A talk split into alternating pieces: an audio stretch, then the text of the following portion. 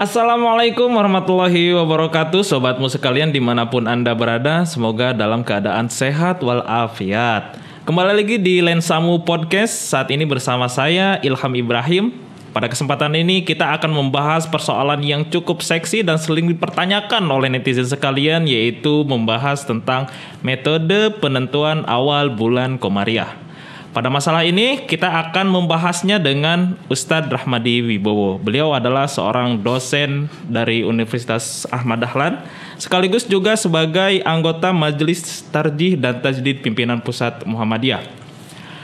Gimana Ustadz? Eh, sehat? Alhamdulillah. Alhamdulillah. Sekarang sibuk apa ini Ustadz? Ya ini sudah mulai ngajar. Mulai ngajar meskipun dan online. meskipun online. Ya aktivitas seperti biasa. Oke. Eh, Ustadz, kita ke pertanyaan mendasar terlebih dahulu. Eh, apa saja metode untuk menentukan awal bulan begitu saat di tahun Hijriah? Eh, baik, Bismillahirrahmanirrahim. Assalamualaikum warahmatullahi wabarakatuh. Oke, sahabatmu yang eh, berbahagia serta Mas Ilham, kayak jadi dalam penentuan awal bulan Komariah ya, Oke. eh, paling tidak ya di Indonesia ini atau secara umum ya, itu ada dua. Yang pertama adalah eh, ru'yat ya. Oke, lihat. Yang kedua adalah hisab. Ru'yat itu eh, melihat secara langsung ya, melihat fisik dari bulan. Oke. Eh, sedangkan hisab itu menghitung, jadi menghitung posisi dari bulan itu. Oh, berarti eh, Ustadz, kalau di zaman Nabi sendiri gitu, itu pakai hisab atau ru'yat? Ah, berdasar hadis Nabi ya, jadi kan disebutkan sumuli ru'yatihi wa aftiru li ru'yatihi fa in alaikum fakturulah. Heeh.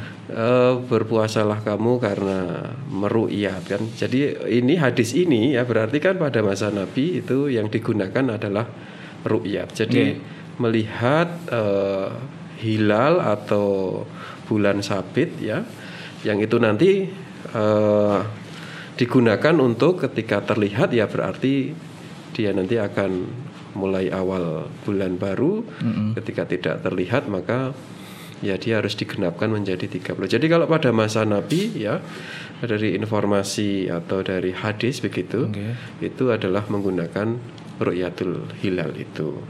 Oke. Nah, itulah yang yang sebenarnya juga sebagian eh, besar sehari sampai hari ini juga masih, banyak yang menggunakan ru'yatul Ru'yat itu. hilal. Jadi tadi kalau nyambung di pertanyaan pertama Oke. ya artinya sebenarnya metode eh, hisab dan ru'yat itu ya itu ya sebenarnya memang sejak awal kalau ditanya mana yang lebih awal ya tentu memang Menggunakan menggunakan ru'yat itu kan begitu. Tapi itu eh, munculnya ide-ide dari Muhammadiyah untuk menggunakan hisab itu maksudnya perjalanan sejarah akhirnya menggunakan hisab itu gimana itu Ustaz? Jadi sebenarnya sudah lama juga ya eh, hisab itu digunakan begitu dari literatur-literatur falak ya. Misalnya pada masa eh, tabiut tabiin itu sudah ada informasi bahwa hisab itu sudah digunakan tentu dengan eh, eh, sesuai dengan masanya dalam arti ya pengetahuan terkait benda-benda langit terkhusus bulan ya sesuai dengan masanya ya. Semakin ke sini artinya semakin eh, modern ya tentu eh, terkait dengan alat, terkait dengan metode rumus-rumusnya dia akan semakin mutakhir ya sehingga eh, perhitungannya juga semakin detail, semakin akurat kan begitu ya. Jadi begitu Mas Ilham. Jadi eh, apa yang membuat Muhammadiyah itu lebih memilih hisab gitu Ustaz daripada hilal eh daripada ru'yat. Soalnya kan kalau di hadisnya itu kan sumuli ru'yatihi. Jadi artinya itu kayak perintah untuk meru'yat bulan gitu bukan untuk menghisab. Oke ya. Jadi eh, kenapa Muhammadiyah? Eh, sebenarnya kalau kita baca dalam putusan eh, musyawarah nasional ya di Munas itu kan memposisikan hisab itu setara dengan ru'ya kan begitu.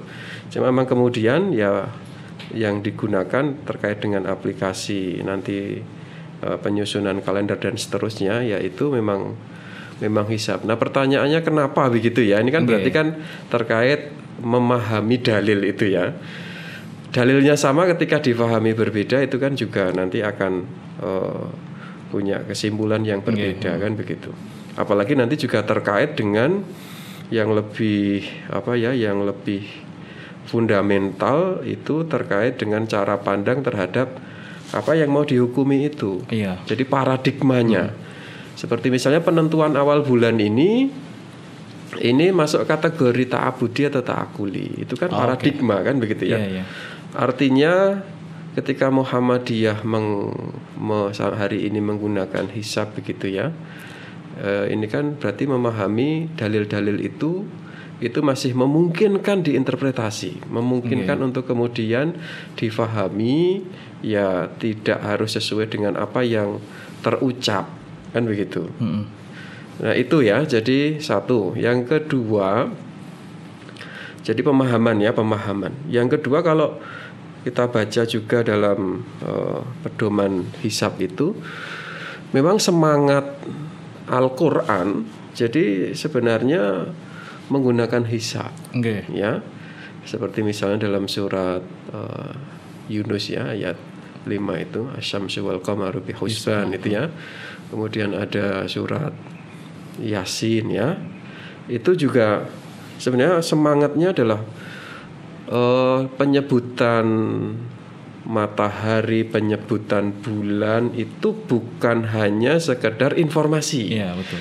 tetapi lebih selain informasi juga ini tuh ada manfaat, ada yang bisa digunakan ya untuk manusia. Nah, dalam hal ini adalah terkait dengan pengorganisasian waktu, yaitu kemudian penyusunan kalender. Jadi maka hisap itu digunakan ya, itu sebenarnya juga eh, tidak tidak begitu saja, tetapi juga kemudian menggunakan eh, dalil-dalil kan begitu ya. Orang menganggap eh, bagi yang menggunakan hisap ini berarti tidak mengamalkan hadis, Nabi kan begitu ya. Tadi kita sebut hadisnya sumuli ru'yatihi wa aftiru li ru'yatihi ya. Fa alaikum fakturulah itu ya. Berpuasalah kamu karena melihat hilal ya.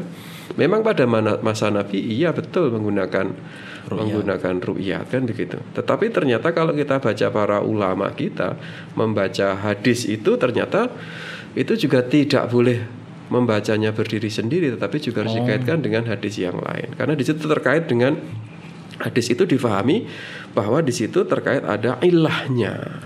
Jadi berilat hadis itu. Ilatnya adalah inna ummatun umiyatun lanak tubuh walanahsub. Jadi kita itu dulu pada masa Nabi itu umat yang umi, ya. Maka kemudian menggunakan ru'yat itulah. Tapi kemudian dengan perkembangan eh, ya perkembangan teknologi, perkembangan pengetahuan manusia kan begitu. Nah, itulah maka kemudian kita bisa berubah Oke. bisa berubah untuk kemudian menggun- menggunakan metode yang lain tidak hanya metode eh, ru'yah. Maka paradigmanya itu yang saya sebut di awal tadi kalau paradigmanya itu sebagai paradigma ta'abudi dalam arti ru'yah itu sebagai ibadah ya sampai kapan nggak bisa dirubah Iya, kan? Begitu ya. Jadi begini Zat, eh, berarti Muhammadiyah itu memposisikan sumuli ru'yatihi itu sebagai hadis ta'akuli gitulah. Atau hadis yang memang bisa untuk kita dilogiskan gitu. Nah sekarang eh, apa keunggulan hisab gitu Zat dibanding metode lain itu? Apakah Eh, lebih iya. akurat gitu Zat? ya kalau ditanya apa kelebihan hisab ya Oke. Satu ya tadi ya satu bahwa ternyata kalau kita lihat eh, Al-Qur'an ya semangatnya kan ya satu ya dari landasan normatifnya ya landasan Qur'annya dia ternyata lebih lebih kuat nih. Bahkan ada eh, yang menyebutkan al aslu al aslu fi isbati syahri al hisab. Jadi prinsip dalam menentukan awal bulan komariah itu adalah hisab. Oke. Jadi ru'yat itu ya ketika itu saja kan begitu. Oh iya. Kemudian yang paling eh, termasuk yang menjadi eh, apa ya ru'ya- hisab ya hisab itu eh, apa tadi keunggulannya ya ya tentu dia prediktif.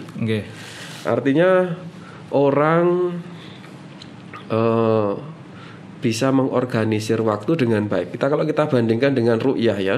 Ru'yah itu kan dia bisa mengetahui bulan berikutnya kan ya H-1 Iya. kan begitu. Jadi kalau misalnya para penganut rukyat hari ini ditanya kapan besok memulai eh, puasa 14 eh, puasa Ramadan 1442 ya belum bisa menjawab. Tunggu hari ke-29 gitu. Ah betul harus menunggu eh, pada hari yang ke-29 bulan Sya'ban kan begitu. Iya, heeh. Dan itu seterusnya artinya bulan-bulan bulan-bulan berikutnya juga akan sama seperti itu.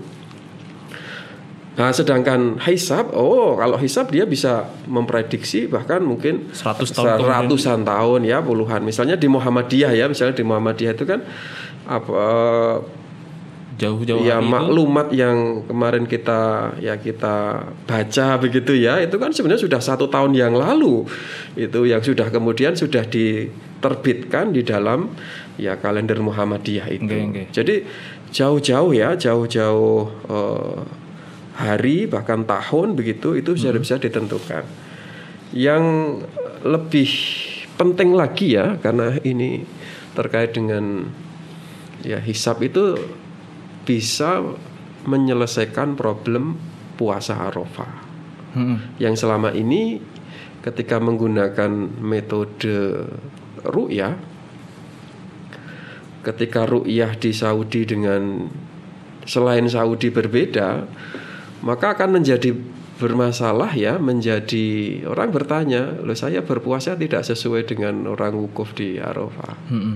karena ya tentu karena sampai hari ini begitu ya Saudi terkait dengan bulan-bulan eh, tiga bulan itu ya Ramadan Syawal Dzul Hijjah itu masih menggunakan ru'yah ya. Maka kan kemungkinan ya terutama untuk berarti bulan Zulhijjah tanggal eh, 9 ya puasa Arafah itu dia nanti akan berbeda dan yang bisa kemudian yang menyelesaikan yaitu adalah menggunakan eh, hisab. Hisab. Maka hisab itu menjadi solusi dari beberapa permasalahan terkait dengan ibadah kita. Oh, oke, oke. Gitu, Mas. Terus misalkan begini Ustaz, Muhammadiyah kan kadang berbeda karena ka- beda metode juga. Itu sikap Muhammadiyah itu seperti apa kalau ada yang perbedaan begitu Ustaz? Apakah mendelegitimasi, de- mendelegitimasi atau bagaimana Ustaz? Kalau sikap Di Muhammadiyah menghormati ya, Mas ya. Jadi eh, perbedaan itu ya, misalnya ada ormas lain atau kemudian ada kelompok lain yang berbeda itu kan kita menghormati juga kan begitu. Oke, betul. Jadi apa yang diputuskan di sana kan begitu ya. Apalagi kalau kemudian difahami bahwa eh, eh, penentuan awal bulan Komariah ini kan ijtihadi ya. Artinya orang kemudian bisa berbeda selama kemudian konsisten menggunakan manhajnya ya saya kira itulah yang kita kan beragama karena menggunakan manhaj kan begitu ya. Jadi konsisten di menggunakan manhaj itulah justru yang akan eh, diberikan apresiasi yang tinggi begitu. Tentu tidak menyalahkan lah begitu ya. Oke, oke. Oke, jadi eh, terkait dengan perbedaan ya, terutama awal awal Ramadan, kemudian eh, Idul Fitri, Idul Adha. Jadi tetap eh, toleransi begitu ya, kita tetap me- menghargai lah ya pendapat-pendapat yang lain. Nah ini juga kan ada kaidah usul fikih yang bilang gitu, hukmul hakim ilzamun minal ikhtilafil hukmi. Jadi bahwasanya eh, keputusan hakim atau keputusan penguasa itu mengikat dan melerai perbedaan hukum. Nah, gimana sikap Muhammadiyah itu dengan eh, pemerintah gitu Ustaz? Kenapa nggak mengikuti padahal kan ati Allah wa ati Rasul wa ulil amri minkum gitu. Oke baik. Jadi eh, terkait dengan ayat saya mulai dari ayat itu ya karena itu yang kemudian Jadi eh, landasan landasan juga ya bahkan kaidah tadi ya itu itu diambil dari ayat itu juga kan begitu ya ati Allah wa ati Rasul wa ulil amri minkum jadi taat Allah taat eh, Rasul kemudian kepada ulil amri. Nah sekarang pertanyaannya ulil amri ini apakah pemerintah? Oh, Kan begitu ya, karena kalau kita baca tafsir ya itu penjelasannya banyak. Memang ada yang menyebutkan ya pemerintah yang berkuasa. Tetapi ada penafsiran juga ya eh, itu menyebutkan ya siapa pun yang diberi wewenang terhadap tugas tertentu. Ya, jadi misalnya eh, apa ya saat ah, security ya ya dia ulil amri untuk keamanan di yang dia jaga kan begitu. Nah ternyata di Muhammadiyah memahami ulil amri di situ adalah siapa saja yang diberi diberikan wewenang. Eh, problemnya kan sebenarnya tidak hanya di situ Mas Ilham ya. Jadi kenapa misalnya kok Muhammadiyah tidak mau sama dengan pemerintah. Ya ini Iya. bukan masalah sama tidak sama kan begitu ya. Tetapi ini terkait dengan satu tentang memahami agama kan begitu ya.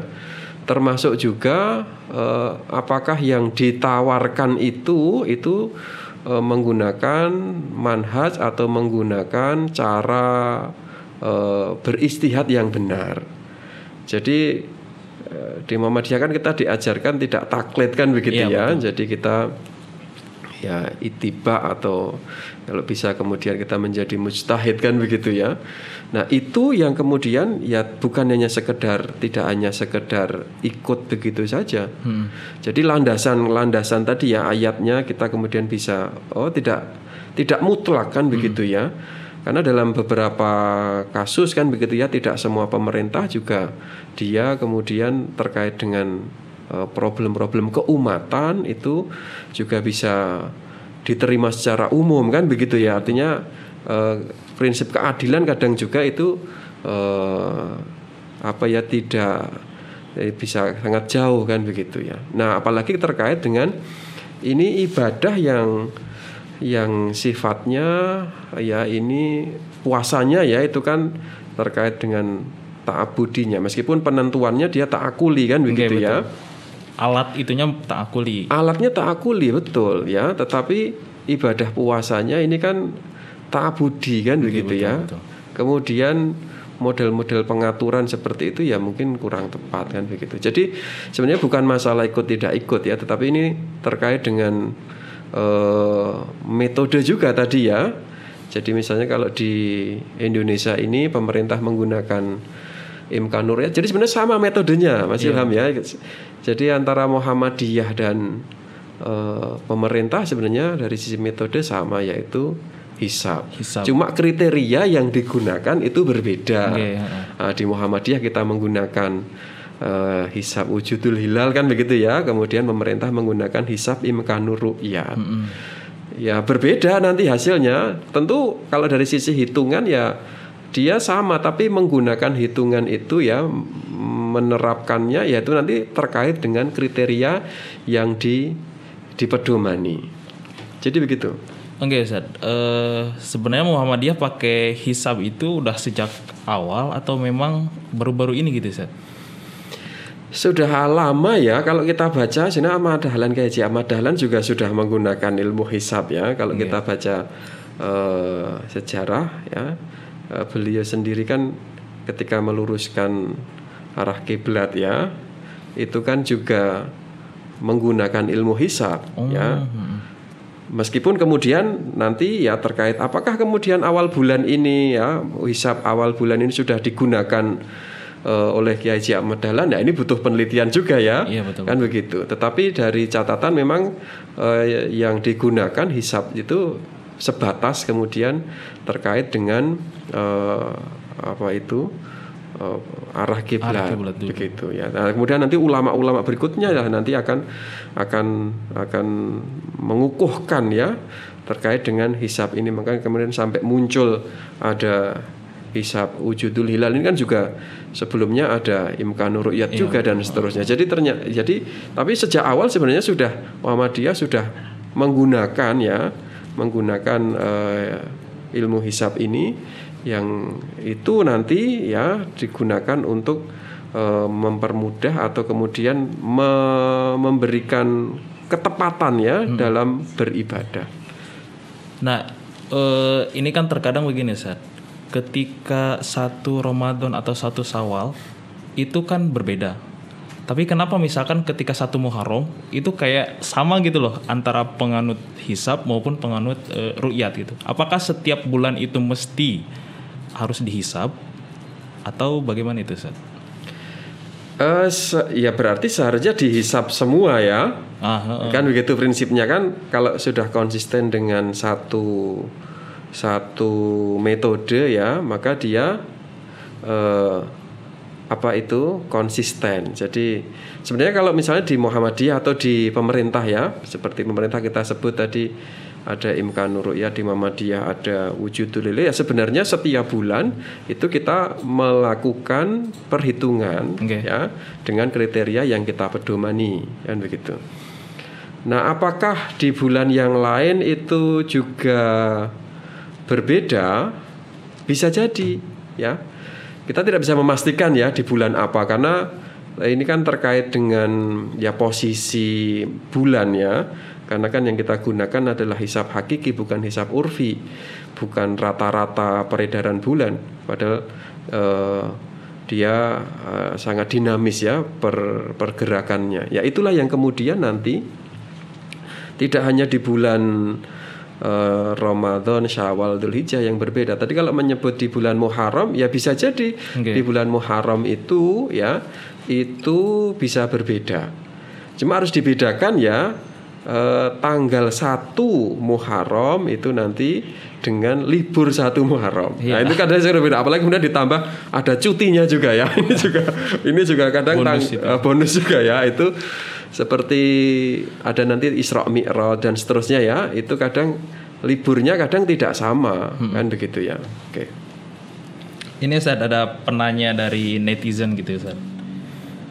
Pertanyaannya dari @pitet31 underscore. Beliau bertanya metode hisabnya apakah sama dengan metode pada zaman Rasul gitu Ustaz. Beliau bertanya apakah hisab yang digunakan Muhammadiyah itu sejatinya sejalan gitu dengan hisab yang digunakan oleh eh, para Rasul. oke. Pada masa Nabi kita tadi sebut menggunakan ru'yah kan? Begitu ya. Meskipun ada satu hadis itu yang menyebutkan ya eh, inna ummatun umiyatun lanak tubuh wala nahsub. Kami itu umat kita itu umat yang umi ya tidak menulis ya tidak menghitung. Maksudnya tidak pandai. Tapi di situ penjelasannya eh, bisa belum banyak ya. Belum banyak yang menulis belum banyak yang menghitung. Nah apakah hisab di sini kemudian pada masa nabi itu dikaitkan dengan perhitungan astronomi seperti hari ini? Tentu eh, itu terlalu jauh ya untuk menyamakan begitu ya artinya itu berarti perhitungan-perhitungan yang sederhana saja kan? Begitu perhitungan ya mungkin transaksi kan? Begitu ya. Kemudian perhitungan-perhitungan yang ya mungkin ya sesuai dengan pengetahuan pada masa itu. Jadi eh, apakah hisab hari ini itu kemudian itu sama dengan pada masa Rasul? Ya tentu berbeda karena ya. tadi ya perkembangan teknologi dan seterusnya. Begitu Kemudian Ustaz ada lagi dari Hasbi underscore MA. Pertanyaannya, apakah ada kemungkinan meleset dengan metode hisab ini gitu Ustaz? meleset dalam arti mungkin tidak Tidak akurat gitu. tidak akurat ya oke ya Karena kan kalau misalkan pemerintah itu eh, minus 2 derajat kan harus eh, di atas ufuk. Nah, kalau Muhammadiyah itu kenapa 0,01 derajat itu udah di masuk ke bulan baru gitu. Oh ya, itu yang disebut dengan kriteria ya. Kalau perhitungannya hari ini sangat akurat ya. Jadi sebenarnya kan tadi hisap itu adalah me- memperhitungkan atau menghitung posisi bulan. Jadi sudah dihitung posisinya di situ kan begitu ya. Misalnya posisinya dihitung dia eh, tiga derajat. Misalnya Ramadan yang besok itu ya itu dia plus 3 derajat. Cuma kemudian 3 derajat ini akan dibawa. Ini sudah masuk awal bulan atau belum? Misalnya begitu ya. Nah, ini sudah masuk ke dalam kriteria. Oh, ternyata kalau di Muhammadiyah dia sudah 0 derajat nih. Maka oh sudah. Maka eh, besoknya dia sudah otomatis tanggal 1. Di pemerintah Oh dia dua derajat kan ya minimal dua derajat ketinggian hilalnya. Oh berarti sama. Oh ber- bareng kan begitu. Jadi yang menjadikan berbeda itu kriterianya bukan posisi ya. Jadi kriteria yang digunakan. Nah nanti kasusnya kalau akan berbeda tuh begini. Kalau posisinya itu ya tadi di antara 0 ya di atas 0 sampai ya di bawah 2 derajat. ya misalnya satu begitu ya satu derajat ini bagi Muhammadiyah sudah Sudah masuk. sudah masuk tapi bagi pemerintah oh Belum, belum kan begitu ya. Nah ini berarti terkait dengan kriteria. Tapi secara perhitungan ya akurasi ya hari ini sudah sangat akurat lah. Kita bisa bisa mengkonfirmasi misalnya perhitungan hisap ini kan tidak hanya digunakan eh, untuk awal bulan ya. Artinya bukan hanya untuk menghitung bulan tapi matahari juga yang nanti terkait dengan ibadah Sholat. sholat gerhana kan begitu ya. Kita sudah eh, misalnya eh, melakukan penelitian begitu ya perhitungan itu kemudian dilihat di lapangan ya terkait dengan gerhananya berapa menitnya berapa detiknya nah itu sudah sangat akurat jadi kalau ditanya eh, apakah meleset saya kira ya kalau dari sisi datanya ya perhitungannya saya kira sangat kecil lah ya sangat kecil ya kan begitu Sampai sekarang ada yang ini enggak? Maksudnya ada penelitian yang meragukan gitu hasil hisap Muhammadiyah. Itu untuk menunjukkan bahwa wah ternyata hitungan Muhammadiyah kurang tepat nih. Sebenarnya hitungannya dengan yang lain kan sama ya. Cuma tadi kita sebut bahwa yang membedakan itu adalah kriterianya. Tentu dengan rumus-rumus atau misalnya nanti ada uh, unsur-unsur yang di Muhammadiyah dimasukkan di tempat lain tidak dimasukkan. Nah itu ya. Seperti misalnya ada menggunakan refraksi, ada menggunakan uh, semi diameter dan seterusnya lah ya. Jadi dalam perhitungan nah itu ketika itu nanti di, tidak dimasukkan ya itu kan nanti hasilnya kan berbeda kan begitu ya. Tapi kalau secara umum kalau kemudian dari awal begitu ya diikuti perhitungan di Muhammadiyah atau di mana pun begitu itu kita kita bisa melakukan verifikasi dan itu ya hasilnya kalau eh, dengan eh, alur dengan cara yang benar hasilnya pasti akan benar. Tidak hanya yang dilakukan oleh Muhammadiyah. Iya. jadi sebenarnya apa yang dihitung misalnya sama-sama menggunakan perhitungan pakai epimeris misalnya begitu ya.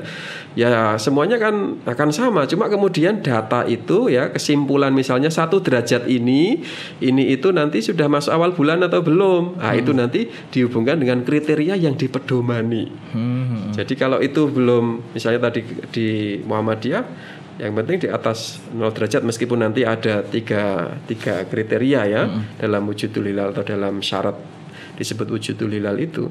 Nah itu yang nanti akan membedakan. Itu yang tiga syarat wujudul hilal itu apa saja Ustaz? Ya di Muhammadiyah itu tadi kalau dari sisi metode ya kan hisap hakiki ya kita menyebutnya. Kemudian dari sisi eh, apa itu eh, kriterianya adalah kriteria wujudul hilal. Nah wujudul hilal ini ada tiga. Yang pertama itu adalah sudah terjadi konjungsi, atau istima, kan begitu ya. Karena itu eh, perubahan dari satu bulan ke bulan yang lain ya itu dimulai dari eh, konjungsi itu. Oke. Kemudian yang kedua adalah eh, bahwa konjungsi itu terjadi sebelum matahari terbenam. Oke. Nah, baru kemudian yang ketiga adalah eh, di saat matahari terbenam, posisi hilal atau bulan dia berada di atas ufuk. Jadi tiga hal ini yang kemudian harus terpenuhi. Ketika salah satu tidak terpenuhi, maka dia ya belum bisa dikatakan besok itu adalah awal bulan komariah. Karena bisa jadi kriteria nomor artinya nomor satu dia terpenuhi ya, ijtimanya sudah begitu ya. Tapi kemudian sudah nomor dua juga sudah. Jadi eh, konjungsi sebelum eh, matahari terbenam. Tapi hilal sudah di bawah ufuk. Nah, itu kriteria ketiga tidak terpenuhi dan begitu. Atau bisa sebaliknya. Nah, ini juga kasusnya berbeda-beda begitu ya. Maka tiga hal ini sifatnya kumulatif. Jadi dia harus ada semua. Itu saja mungkin Ustadz. Jadi pada intinya hisab sebagai metode penentu awal bulan Komariah itu sesungguhnya memiliki landasan yang kuat di dalam Al-Quran dan As-Sunnah. Sekaligus juga memiliki metode yang cukup kuat di dalam ilmu-ilmu astronomi. Terima kasih kami sampaikan kepada Ustadz eh, Rahmadi Wibowo. De- terima kasih juga kepada sobatmu sekalian yang senantiasa setia mendengarkan eh, Lensamu Podcast. Jangan lupa untuk selalu subscribe, Muhammadiyah Channel di YouTube dan kemudian selalu dengarkan Lensamu Podcast di Spotify. Lensamu Podcast selalu menginspirasi. Assalamualaikum warahmatullahi wabarakatuh.